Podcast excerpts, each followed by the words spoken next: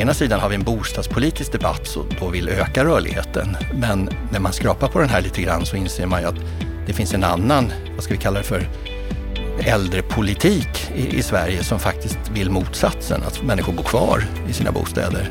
Ehm, därför att det är av olika skäl både dyrt och av andra skäl besvärligt att få en hög efterfrågan på det vi kallar för vård och omsorgsboende då, som kräver biståndsbeslut och sådär. Ehm, och då har politiken satsat på Eh, att vi ska kunna bo kvar med hjälp av bostadsanpassning. Ehm, och när vi frågar de äldre så säger 85 procent ungefär att den här bostaden går att anpassa eh, så att jag klarar mig även om jag har ett funktionshinder eller fysisk svaghet på något sätt. Politiken den är kluven kring äldres boende. Samtidigt som det efterfrågas en ökad rörlighet på bostadsmarknaden så ökar ju också hjälpinsatserna för att äldre ska kunna bo kvar hemma. Vad vill politiken egentligen? Och kunskapen om hur äldre själva vill bo, den är bristfällig. Det här menar Ted Linkvist, VD på analysföretaget Evidens som har analyserat bostadsmarknaden för äldre och gett ut en ny rapport som heter just Bostadsmarknaden för äldre, rörlighet, preferenser och betalningsvilja som du ska få en djupare inblick i idag. För vilka slutsatser kan vi dra av att förutsättningarna är olika när det gäller geografi, ålder och mellan åldrar och individer? Hur ska kommunerna planera och vilken inriktning bör politiken ha? I en serie program så kommer vi att beröra bostadsmarknaden för äldre. Det här är en grupp som växer mycket och som kommer att växa riktigt mycket de kommande åren. Men finns boendealternativen som de äldre vill ha? Det här avsnittet och de kommande avsnitten är inspelade under konferensen Elmia Future Living som gick av stapeln i Jönköping förra veckan. Jag heter Anna Bellman och efter samtalet med Ted så kommer du få en kommentar av vår expertkommentator Lennart Weiss. Trevlig lyssning. Intresset för äldres boende, boendepreferenser och rörlighet på bostadsmarknaden ökar bland olika aktörer inom samhällsbyggnadssektorn. Kommuner och bostadsproducenter efterfrågar fakta kring hur äldre vill bo och leva och hur behoven och den faktiska efterfrågan på bostäder för äldre ser ut i olika delar av landet. Analysföretaget Evidens har fått i uppdrag att studera äldres situation på bostadsmarknaden och det har resulterat i rapporten Bostadsmarknaden för äldre, rörlighet, preferenser och betalningsvilja. Varmt välkommen till Bopolpodden, Ted Linkvist. Tack så mycket. En ära att få vara här. Ja, det är ju tredje gången du är med oss här i podden och det är det ingen annan som har råkat ut för. Vad är din sinnesstämning idag? Eh, den är ganska lugn och avslappnad tror jag. Eh, jag har precis hållit ett föredrag här på Elmia mässan och det gick väl ganska bra tycker jag och då känner man sig ganska avslappnad efteråt. Sen bet jag mig i tungan när jag skulle äta igår, eh, vilket gör att jag tror inte att det hörs, men det känns kan jag säga när jag pratar. Det hörs inte, du låter lika samlad och vass som vanligt. Men det är ju så vi är med om olika saker i livet som påverkar oss och nu ska vi prata om hur olika saker påverkar äldres boendesituation. Ni har ju då fått ett uppdrag att göra en studie, du är VD på analysföretaget Evidens, en studie som har beställts och finansierats av bland annat SKR och ett antal kommuner och ett antal bolag. Varför har den här studien beställts?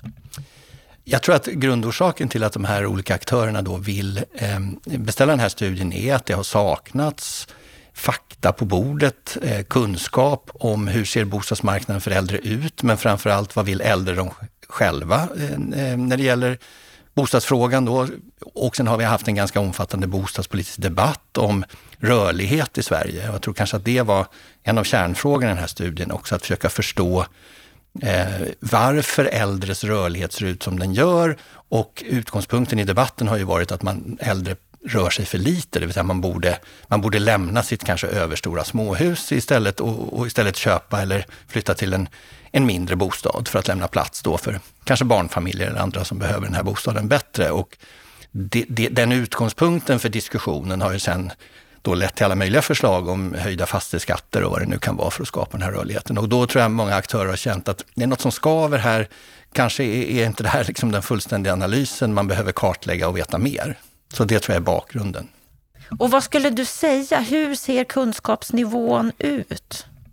Nej, men jag tror att många, vi, jag själv och mina kollegor jobbar ju mycket med bostadsmarknaden. Vi kände nog att vi inte riktigt hade grepp på den här marknaden och vi förstod inte riktigt hur den fungerade och vad orsak och verkanssambanden, hur de ser ut.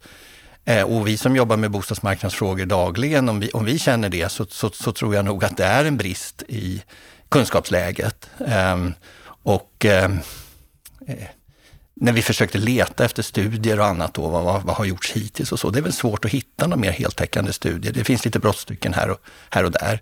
Och sen är det ju så att äldre verkar ju på samma bostadsmarknad som alla vi andra. Vi konkurrerar ju med samma bostäder oavsett om vi är barnfamiljer eller äldre eller singlar eller vad vi nu är för någonting. Eh, och det gör ju det att man måste sätta också äldres bostadsefterfrågan i ett sammanhang på hela bostadsmarknaden. Och därför trodde vi kanske att vi hade något att bidra med.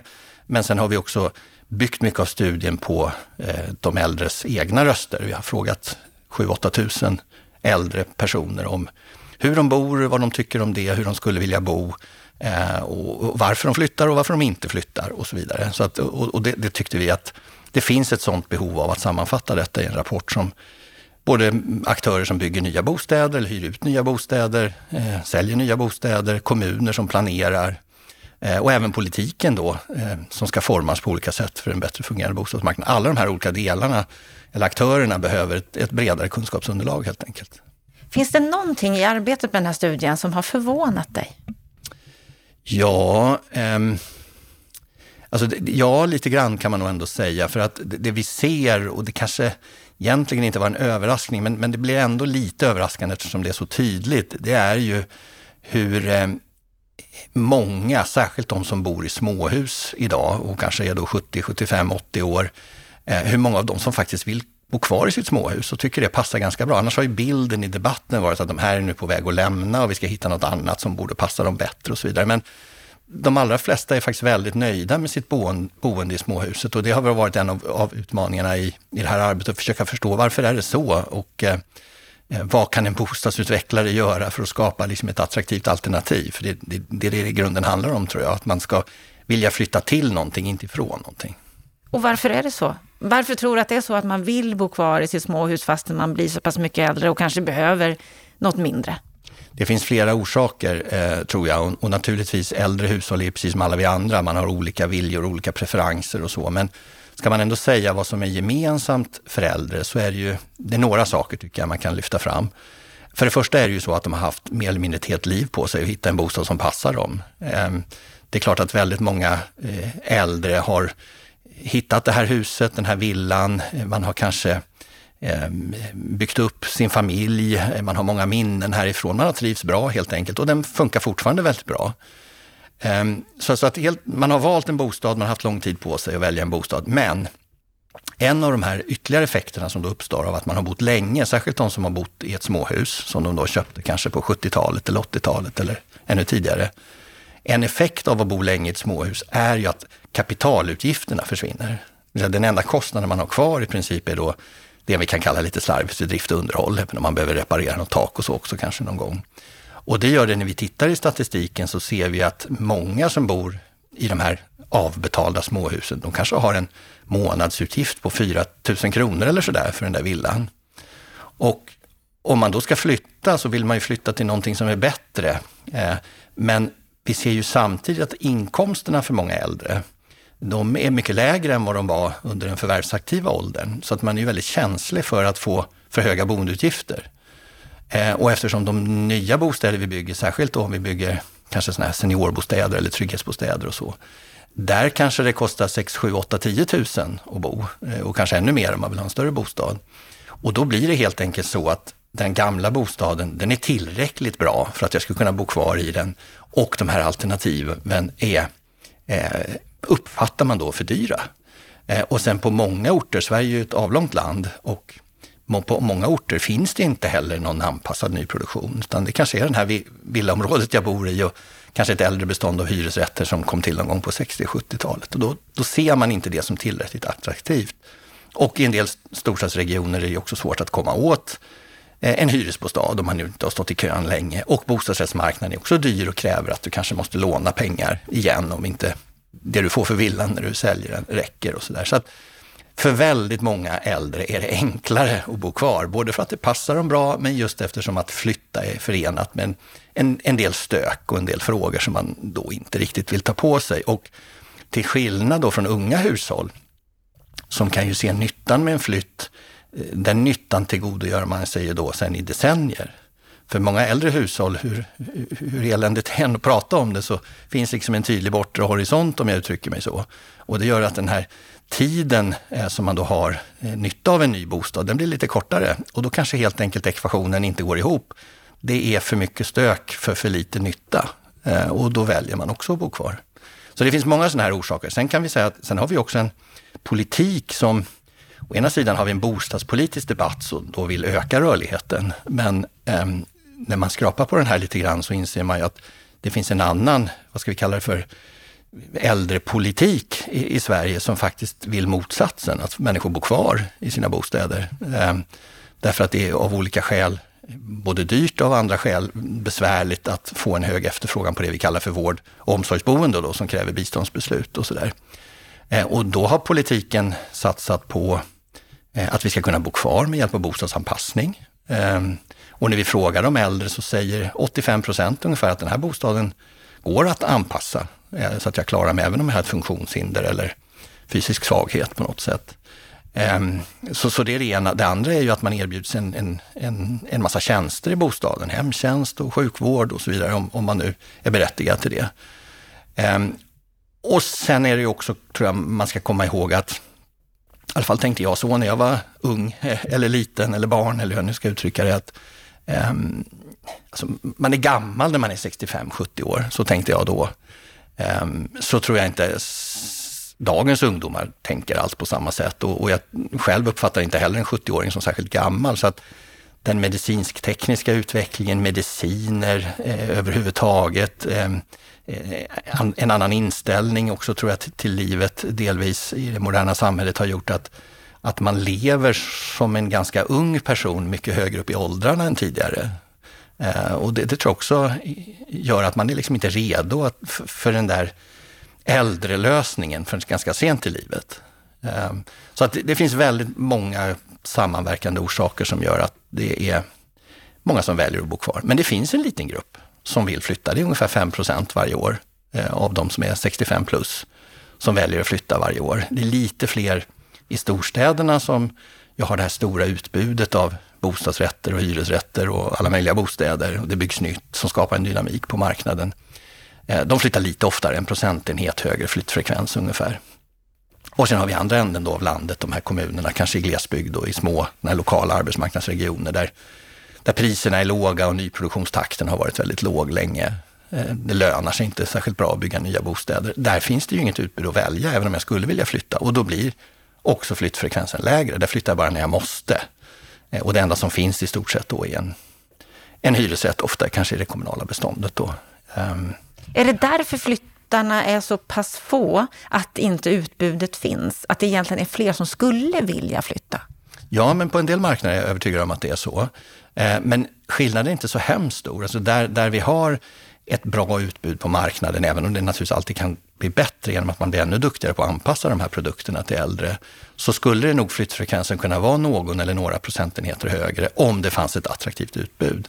Alltså det vill säga man måste, jag, jag tror i varje fall att, att min slutsats av den här studien är att man behöver jobba med att skapa eh, morötter, alltså att attrahera till nya boendelösningar snarare än att knuffa ut eh, från den gamla bostaden. Och Ehm, gör man det så tror jag att det finns en potential, men den kommer inte vara jättestor.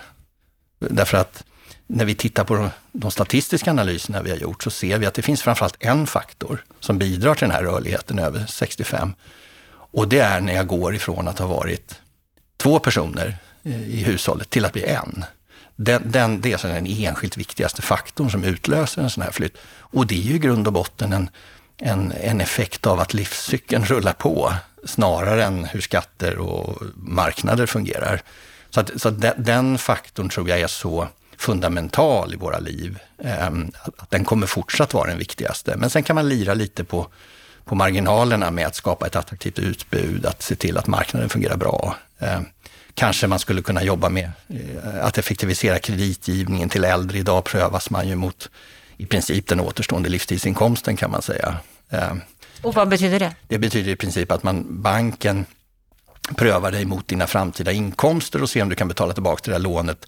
Alternativet skulle ju vara att uppvärdera pantens värde vid kreditgivningen. Att säga okej, okay, du har en ganska låg pension här och du är ganska gammal så vi vet inte hur mycket mer du kommer att tjäna och hur mycket du hinner amortera. Eh, men vi ser ju att du har ett stort värde i det här huset du köper och då tittar vi på det också. Men som kreditgivningen ser ut i Sverige idag så är det svårt för banken att göra en sån, eh, fatta beslut på de grunderna. Så den borde förändras? Jag tycker att man i alla fall, det är värt att utreda och titta närmare på om det går. Eh, och jag vet ju att det finns länder i världen som har, har andra principer för kreditgivningen. Sen kan det finnas plus och minus, men jag tror att det skulle vara en väg att gå. Om vi tittar på den här problematiken som du delvis har berört här, att vi, vi, vi, har ett behov av fler bostäder samtidigt som det finns många som säger att alla bostäder vi egentligen skulle behöva i vårt land har vi, om vi bara fick till rörligheten. Samtidigt som vi också har den här problematiken framför oss att andelen äldre blir så många fler och att vi blir fler personer i vårt land och vi lever längre. Hur, hur ser du på de här två parametrarna? Det är en svår fråga, men, men jag, jag, tycker ju, jag tror ju att man måste... Alltså grundidén här är ju att man skulle säga, byta hushåll. De som idag bor i de här eh, villorna då, de skulle flytta till mindre bostäder och de som idag är trångbodda med barn och så skulle flytta in i de här villorna. Men jag, tror att det är lite naivt att tro att, att, att det skiftet låter sig göra väldigt enkelt. Men vi har villor idag, de är marknadsprissatta. Vi har bostadsrätter, de är marknadsprissatta. Ändå är det så att, att de här äldre hushållen bor kvar i, kanske lite i någon mening, stora hus och så.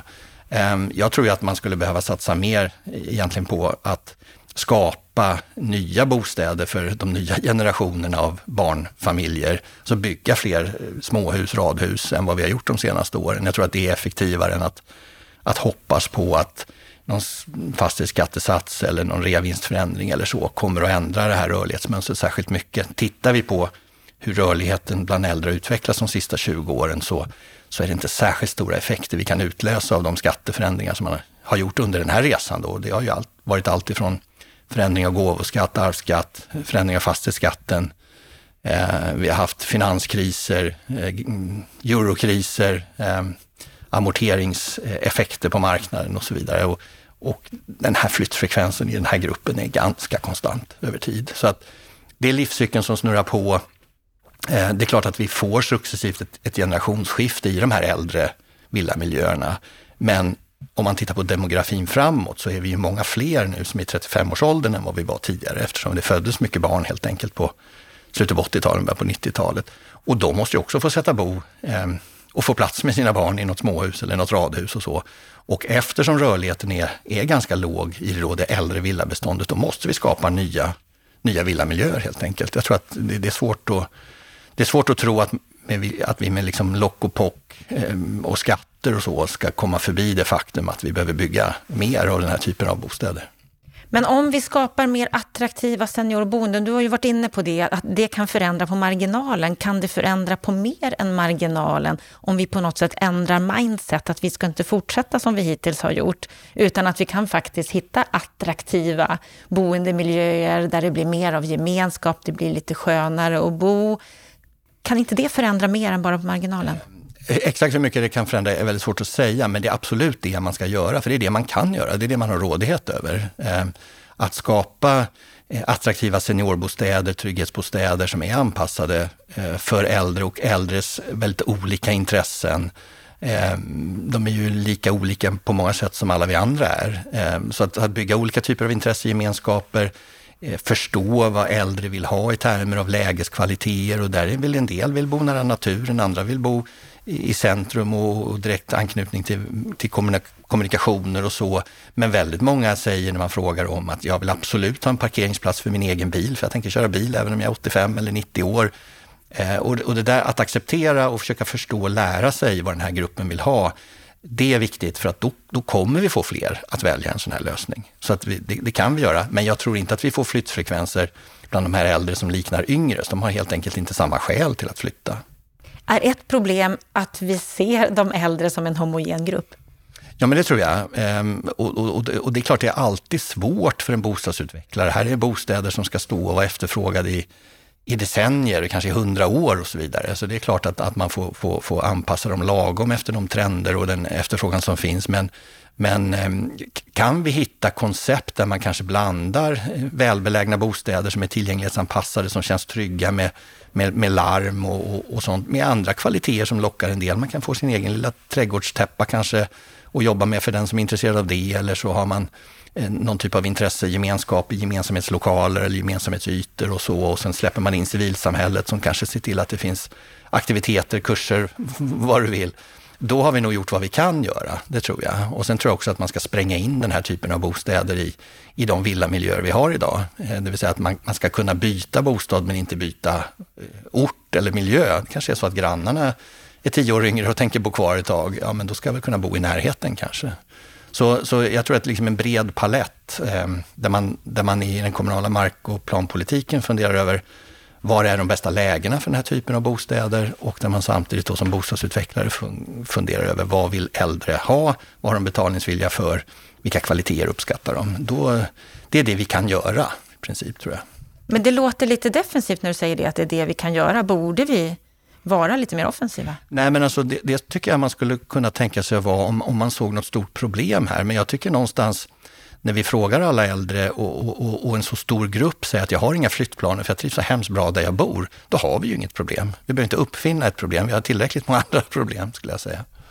Men vi har ju en, en konflikt som, som vi ändå måste ta i här. Det vill säga att på många sätt så vill vi att rörligheten ska öka, att flyttkedjorna ska komma igång för att få bostadsmarknaden att fungera. Samtidigt som vi också ser här att det finns andra politiska målsättningar inom äldrepolitiken där man vill kunna möjliggöra för äldre att bo kvar och så får man hemtjänst och andra typer av stöd. Hur hanterar vi den konflikten? Men jag tror det är en kunskapsfråga. Jag tror att den politiska nivån måste ta till sig hur ser bostadsmarknaden för äldre ut? Hur fungerar den? Vad är det som driver rörligheten? Eh, och eh, jag skulle vilja säga att, att de resultat vi har sett i den här studien, de stödjer ju egentligen den politik som då eh, om vi får kalla dem för äldrepolitikerna driver. Det vill säga att de som vill ska kunna bo kvar hemma. Eh, man ska kunna få en ganska omfattande bostadsanpassning. Man ska kunna få hemtjänst eh, och sjukvård och så. Eh, och sen får nog bostadspolitikerna då som driver rörlighetsfrågan fundera eh, några varv kring vad, vad, vad, är det som hämmar rörlighet, vad är det vi kan göra som skapar rörlighet. Och där finns ju en palett.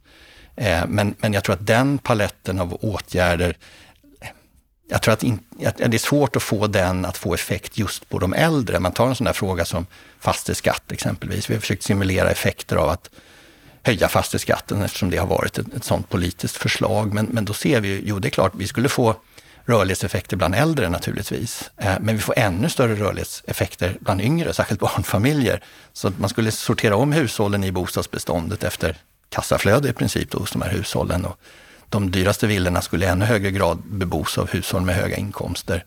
Eh, och det är ju en politisk fråga om man vill åstadkomma den typen av rörlighet och motiv. Men jag tror inte att, att det i sig löser frågan om, om äldre, utan det handlar mycket mer om att, att hitta de här pullfaktorerna, de som kan attrahera eh, de äldre att välja en lösning som, som är bra både för dem själva och för samhället. Men de kommer bara välja den om den är bra för dem. Eh, och det är naturligt, så skulle vi alla resonera. Men kan det vara så att ett resultat av er undersökning han, handlar om vad jag vet att jag kan efterfråga idag? Att nu ser utbudet ut så här, ja men då bor jag mycket hellre kvar. Och så blir det resultatet av er studie, eftersom utbudet är för lågt. Ja, men jag tror att man ska vara uppmärksam på, eh, något som vi identifierar i den här studien är ju behovet av kunskap och information också till äldre.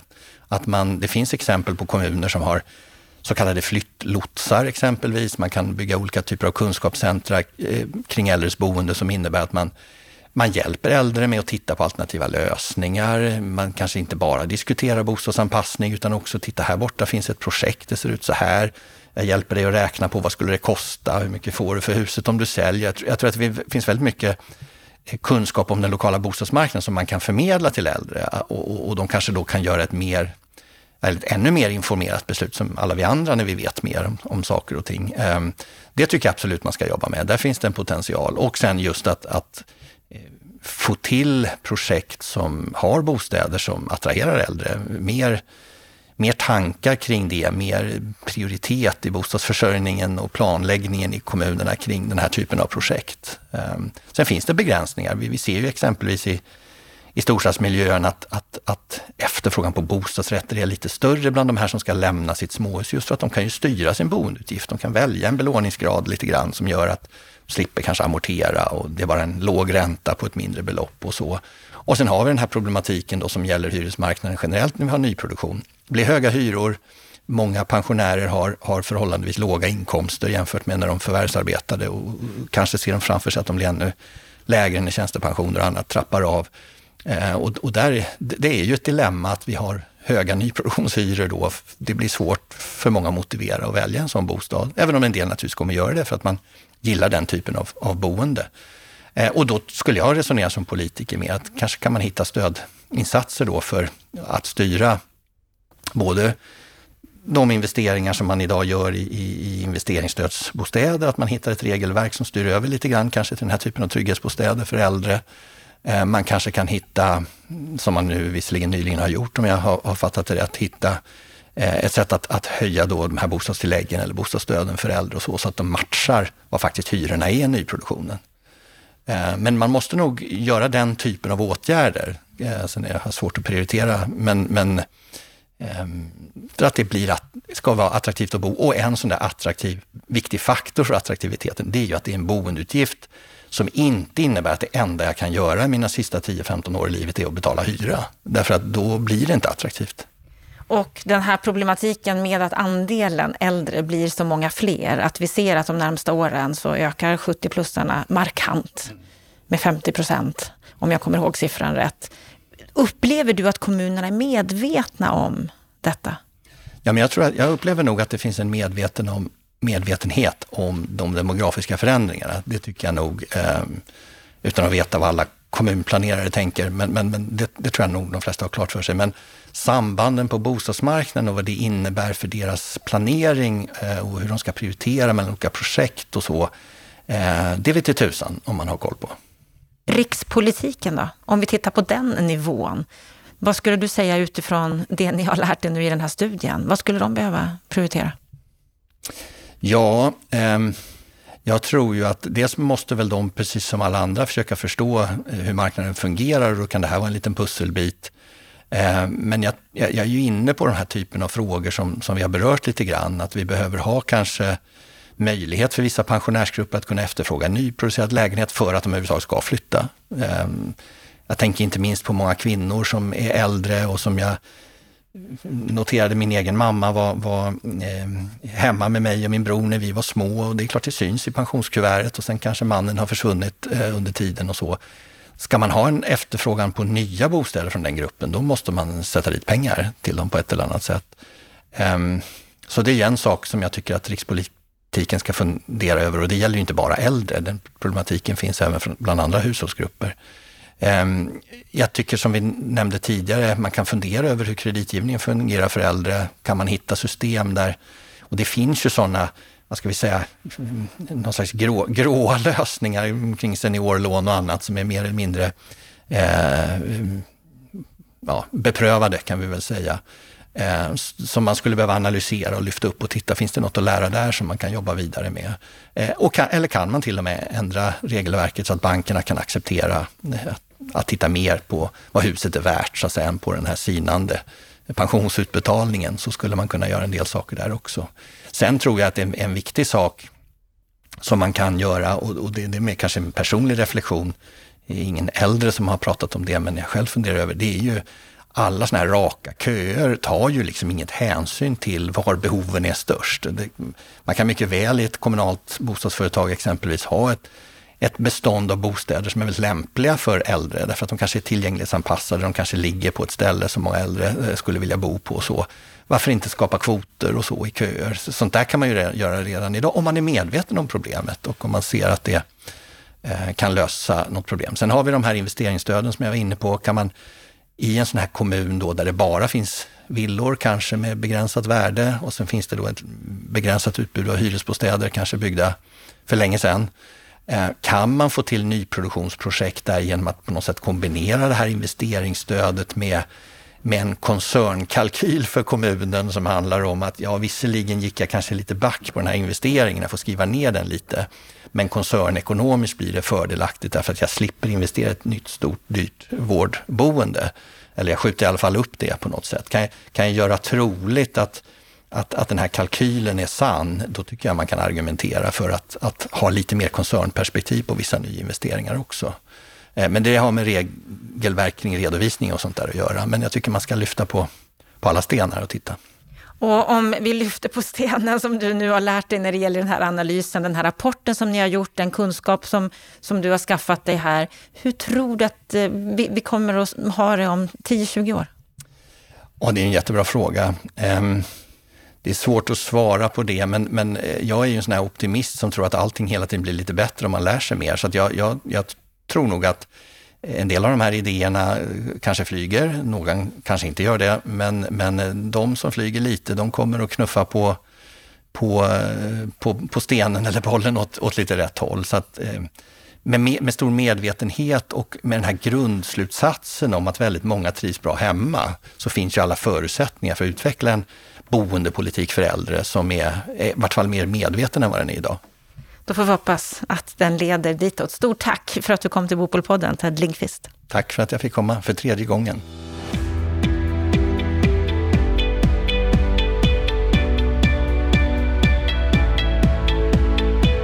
Då har vi hört eh, samtalet med Ted Lindqvist och hans analys när det gäller våra äldres boendesituation. Vad säger du om det här samtalet, Lennart Weiss? Ja, jag säger att det här är en väldigt viktig rapport som Evidens har gjort och jag tror faktiskt att den kommer att få stor påverkan på hela diskussionen om äldreboende. Därför att här slår man fast några saker som vi kanske har anat men inte riktigt vetat. Eh, det låter trivialt först att säga, att konstatera att eh, de äldre vill bo kvar. De vill gärna bo kvar i sina eh, småhus. Men varför är det ändå viktigt att notera? Jo, därför att politiken har under ganska lång tid skickat motstridiga signaler i den här frågan och det lyfter ju också TED fram. Man har å ena sidan eh, lyft fram eh, ska säga, en önskan om att de äldre ska flytta från sina överstora småhus och där har ju eh, både politiken och nationalekonomerna diskuterat olika typer av incitament. Jag får erkänna att jag också har varit inne i den, i den lådan och, och drivit tankar om att, så att säga, sänka barriärerna för att flytta, införa flyttskatt för att pressa bort människor. Eh, men det ju, utredningen visar det är ju att eh, ja, samtidigt som den positionen finns så skickar ju också politikerna andra typer av signaler, bo kvar, genom bostadsanpassningsåtgärder, det vill säga, för det är ju dyrt med omvårdnadsboende. Och den här dualismen, den här eh, eh, schizofrenin, den, den ger eh, intressanta signaler till hur man ska ta sig an den här frågan. Därför att precis som utredningen visar så är inte de äldre ett homogent kollektiv. Vi har olika typer av äldre idag. Vi har sådana som, är, eh, som inte alls betraktar sig som äldre utan de är friska, de har god ekonomi. De ser sig som eh, att de bara går in i en ny livsfas och tänker inte flytta till något äldreboende för att de har fyllt eh, 55. Om man ska få dem att flytta för att det är bostadspolitiskt bra, då måste man kunna förstärka deras livsstil. Då är det en annan typ av boende än det som marknaden levererar idag. Jag tycker det är intressant att han lyfter fram vad som händer när två blir en, när någon avlider. Då finns det behov. Då kanske man inte av ekonomiska skäl kan bo kvar. Man behöver olika typer av mellanboenden. Finns de idag? Nej, det gör de i väldigt liten utsträckning. Sen har du de som då blir så pass gamla och skröpliga att de hamnar på omvårdnadsboende och både du och jag har ju då haft föräldrar som har hamnat i den där situationen och den är ganska vanlig. De boendeformerna upplevs som ganska påvra och, och, och institutionella och trista. Här behöver det göras saker och jag tycker att det är bra att man lägger upp den här paletten. Jag tycker det är bra att Ted påpekar, vi löser inte de yngres behov av småhus genom att få de äldre att flytta. Vi måste istället bygga fler småhus. Bra! Det kommer få betydelse i debatten. Om vi vill åstadkomma flyttkedjor, då är det pull och inte push som gäller. Också en viktig slutsats. Eh, flyttlotsar för att stötta människor som kanske inte riktigt vet hur de ska navigera och hantera sin ekonomi. Också en bra idé. Eh, därför att det finns ju ändå en stor grupp människor idag, en bred medelklass, som sitter på två typer av kapital som är en tillgång här. Man har pensionskapital och man har bostadskapital, övervärden i sina bostäder, som ju ofta sitter fast. Och jag vill egentligen avsluta den här kommentaren med att lyfta fram ett samtal som jag och, och några kollegor hade med med framlidne riksbankschefen Lars Wohlin för ett antal år sedan, där han med sin egen mamma som utgångspunkt beskrev den här missmatchen av resurser som vi har idag. Han beskrev sin mor som bodde på 200 kvadratmeter i Stocksund och samtidigt så när hon var så sjuk att hon, hon var tvungen att söka vård, då låg hon i korridoren på Danderyds sjukhus. Han konstaterade att det dör 60 till 100 000 per år som dör ifrån 100 miljarder kronor som går i arv istället för att användas som arbetande kapital i den här sektorn. Där finns någonting som man ska ta fasta på. Eh, och, jag tycker att eh, både bostadsföretagen och pensionsbolagen är väldigt fantasilösa här. Därför att om man tar det här kapitalet som människor har i pensionssparande och bostäder så borde det kunna konverteras till bra boendealternativ som både ger eh, livsstils, som har goda livsstilsegenskaper och som också eh, steglöst erbjuder eh, olika typer av stöd och omvårdnad när det behövs. Men, men, men, men, men man får inte fram sådana här koncept. Du vet, mitt första jobb i den här branschen Eh, det var som, som utredare utav äldreboende på HSB på 90-talet. Jag kan bara konstatera att sen jag höll på med det där för, för alltså 30 år sedan, mer än 30 år sedan, så har nästan ingenting hänt. Så att jag tycker att den här utredningen pekar på eh, hur kartan ser ut och att det behövs en annan typ av åtgärder. Och, och det är väldigt mycket av pull, alltså leverera bra alternativ. Så jag tror faktiskt att det här är ett väldigt viktigt inspel både för politiken och branschen att jobba vidare med. Bra jobbat Ted! Men finns det inte en risk att den här analysen tolkas som att ja, men de äldre vill bo kvar, vi behöver inte göra så mycket mer? Jo, eh, de flesta vill ju bo kvar, men han pekar ju också på att några procent vill flytta och det är alltid på marginalen som en marknad förändras. Så börjar man att adressera de här några procentens behov så kommer saker och ting att ske. Jag menar, jag, jag tycker själv som, som 60-plussare att jag är väldigt långt ifrån att resonera om ett äldreboende. Jag känner mig inte alls gammal på något sätt utan jag tillhör ju de här som, som snarare identifierar mig med, med en eh, frisk och aktiv generation. Om jag ska flytta så ska det i så fall vara till någonting som ger utlopp för eh, mina intressen. Då skulle jag vilja bo vid en golfbana eller nära en båthamn. Jag skulle kunna vilja ha tillgång till bra kommunikationer in till staden och kulturen. Alltså det är en aktiv livsstil, gärna med människor som delar mina värderingar. Eh, och lite, li, li, lite talande så blev jag själv uppvaktad utav journalisternas pensionskassa för några år sedan som ville ha hjälp med att skapa ett boende för pensionerade journalister. Ja, men alltså, det finns ett positivt kategoriboende som man skulle kunna adressera med de pengar som folk redan har. Och jag tycker att just den här sista saken är lite viktig därför att nu, nu får man ändå se att vi som är 40-50-talister, vi har gjort en fantastisk livsresa. Det finns en stor grupp här som har väldigt goda inkomster, väldigt mycket kapital.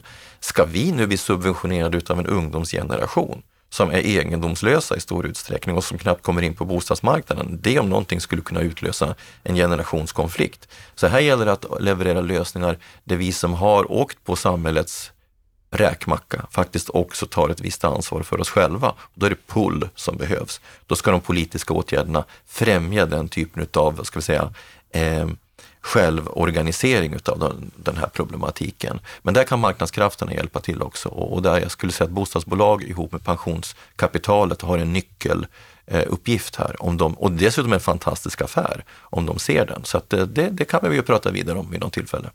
Vi kommer ju att fortsätta prata om det här nu i flera program här i Bopolpodden och det vi kan konstatera är ju att om vi hittar de här lösningarna för de här mellanboendena som du säger, mer attraktiva seniorboenden, så kan vi dels få loss fler bostäder och också minska ensamheten, för den är ett stort problem när människor blir äldre. Ja, absolut. Och jag skulle nog säga att eh, det är en av de största utmaningarna vi har. Jag, jag eh, tillsammans, det var Stefan som hade, eh, var huvud organisatören utav en bostadsmässa nere i Jönköping här tisdag och onsdag på Elmia, där jag var sidomoderator. Och där var det ett par fantastiskt intressanta inlägg just om den här aspekten på ensamhet som du pratar om, som ju har väldigt uppenbart både fysiologiska och medicinska effekter på människor. Ensamhet mår vi inte bra av. Lite, lite eh, kul i marginalen så påpekade den här forskaren att hunden, en fantastisk tillgång för äldre, eh, liksom, vi, vi, behöver ha möten med andra, det, främst människor men även djur. Det ger liksom närhet, kärlek, empati och allt det där. Så att, att liksom hitta de här mekanismerna som gör att människor på äldre dagar inte blir isolerade. Det är kolossalt viktigt och det kan, det är ju, där kan man vidta åtgärder både mot människor som bor i sina gamla bostäder men också i nya typer av boendelösningar. Men gemenskapsfaktorn extremt viktig för att människor ska må bra. Gemenskap är viktigt, mer attraktiva boenden är viktigt och som sagt, detta kommer vi följa nu i flera program här i Bopolpodden. Är det så att du vill förkovra dig inom bostadspolitiken, då går du in på bostadspolitik.se och där kan du också anteckna dig för vårt nyhetsbrev som kommer varje fredag där vi tar upp det mest aktuella som har hänt under veckan och där du också har möjlighet att eh, höra på veckans Aktuellt som spelas in och sänds varje fredag. Det viktigaste som har hänt inom den bostadspolitiska arenan under veckan. Med detta så önskar vi dig en riktigt trevlig vecka.